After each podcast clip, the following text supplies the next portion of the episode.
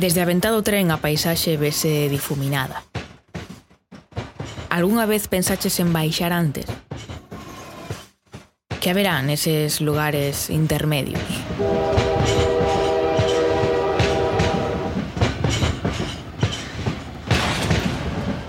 Non sei. Eu non o pensei nunca e a verdade é que isto non vai de trens. Pero si vai de lugares. Mm, lugares que por outra banda probablemente non teñan estación. Entón, como se chega a eles? Próxima estación, o Couto Mixto, Terra Nullius.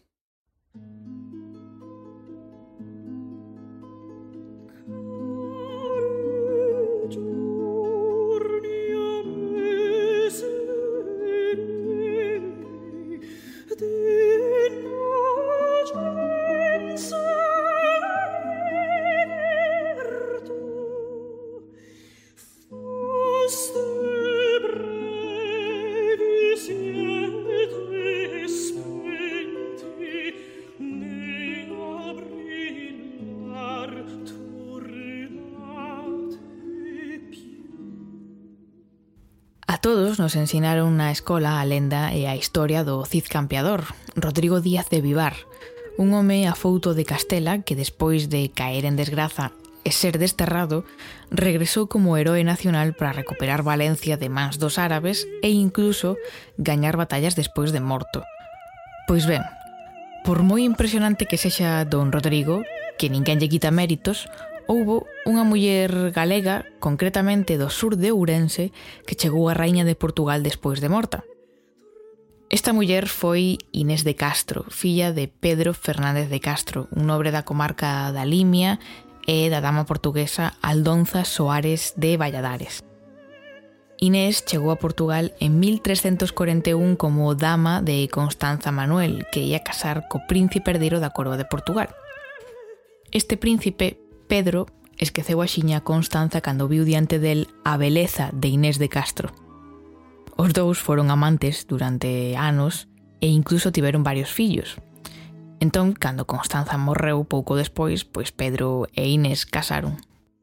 Ata aquí todo de maravilla na historia de Inés, que estaba por fin casada co amor da súa vida. Pero o rei de Portugal, o pai de Pedro, non lle facía moita graza a idea de ter a unha estranxeira como princesa e non se lle ocorre outra cousa que intentar matala. E aquí é onde a historia se mestura coa lenda. Tres cabaleiros portugueses perseguiron a Inés ata a Quinta das Lágrimas, en Coimbra, e ali foi asasinada. Cando Pedro chegou ao trono uns cinco anos despois, mandou desenterrar a Inés e sentalo ao seu carón para que toda a corte a recoñecese como lexítima raíña. Pero que pasou nesa persecución? O imaginario colectivo quixo que na súa fuxida Inés de Castro chegase ata o couto mixto.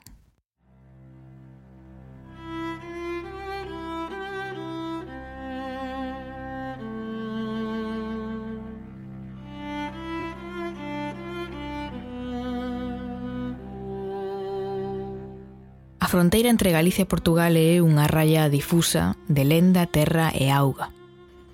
Neses terreos incertos, repartidos entre nacións, é sinxelo sentir que cada un é a súa propia nación. Podese pertencer a dous lugares ou é máis sinxelo non pertencer a ningures. Anaco de terra inteira Sementada de esperanza traxes de verbas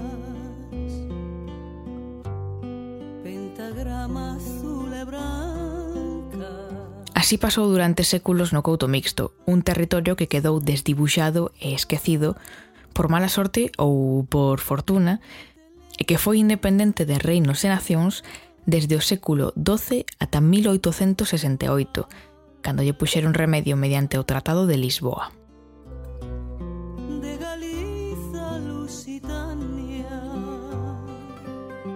Pero como é posible que este territorio formado polos núcleos de Santiago, Rubiás e Meaus fose independente durante sete séculos?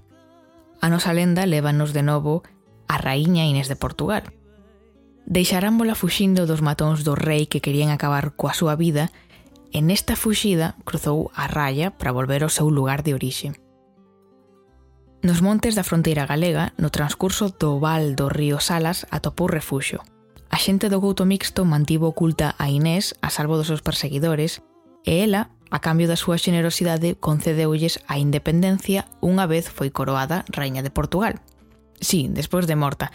Aquí a teoría tórcesenos un pouco. Entón, como se explica históricamente a existencia desta terra nullius ou terra de ninguén?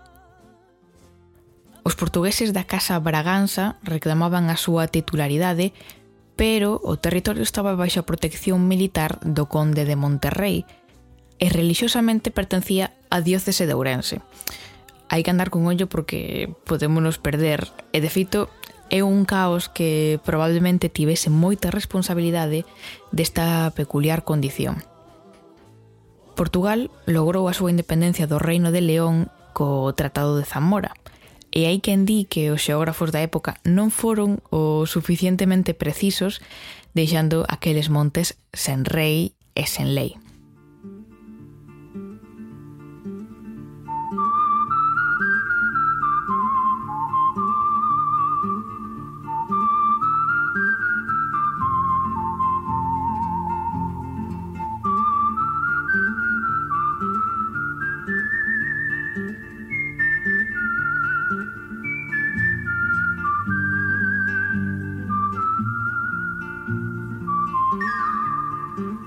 Así foi como, a partir do século XIII, os habitantes destas terras asumiron a súa condición de independentes, elixiron os seus propios gobernantes e estableceron unha zona de libre comercio entre Galicia e Portugal. E con moita retranca, esa fronteira inexistente chamouse o Camiño Privilexiado. Imos percorrer este camiño que case semella ter vida propia, ou alo menos a vida de todos os que suben e baixan con algún segredo o de privilexiado a verdade que lle ven o pelo. Sal, aceite, tabaco, café e mesmo persoas. Nunca tanta actividade comercial se vira en tan poucos quilómetros. Se as fronteiras sempre foron un lugar propicio para o contrabando, esta fronteira sen lei era moito máis. Pero o couto mixto é algo máis que un valero legal. Hai incluso quen o compara con Andorra, pero con diferenzas considerables, Andorra é un territorio moito máis grande e encaixado entre territorios moito máis poderosos, o que permitiu tamén que mantivese este estatus de independente ata converterse nunha sorte de paraíso fiscal. A verdade é que está moito mellor a historia do contrabando. Pero seguimos polo camiño e no transcurso do, da ruta batemos co xuiz a persoa con maior responsabilidade no couto, El é o encargado de poñer orde e diríxese a unha das aldeas a arranxar un problema cuns marcos dunha leira que é un problema que lle pasa a calquera. O xuiz é ademais unha figura moi adiantada ao seu tempo. Agora escoitamos moito iso de que os Estados Unidos son a democracia moderna máis antiga da historia. Pero, mentres Europa se rexía por monarquías, o xuiz do couto mixto era unha persoa elixida polos representantes das tres aldeas, os homes de acordo. Os catro reuníanse na igrexa de Santiago para tomar decisións. Aínda hoxe o fan de maneira simbólica para que a súa figura non caia no esquecemento. Estes homes de acordo levan cada súa chave da arca que preside a estancia. A arca das tres chaves.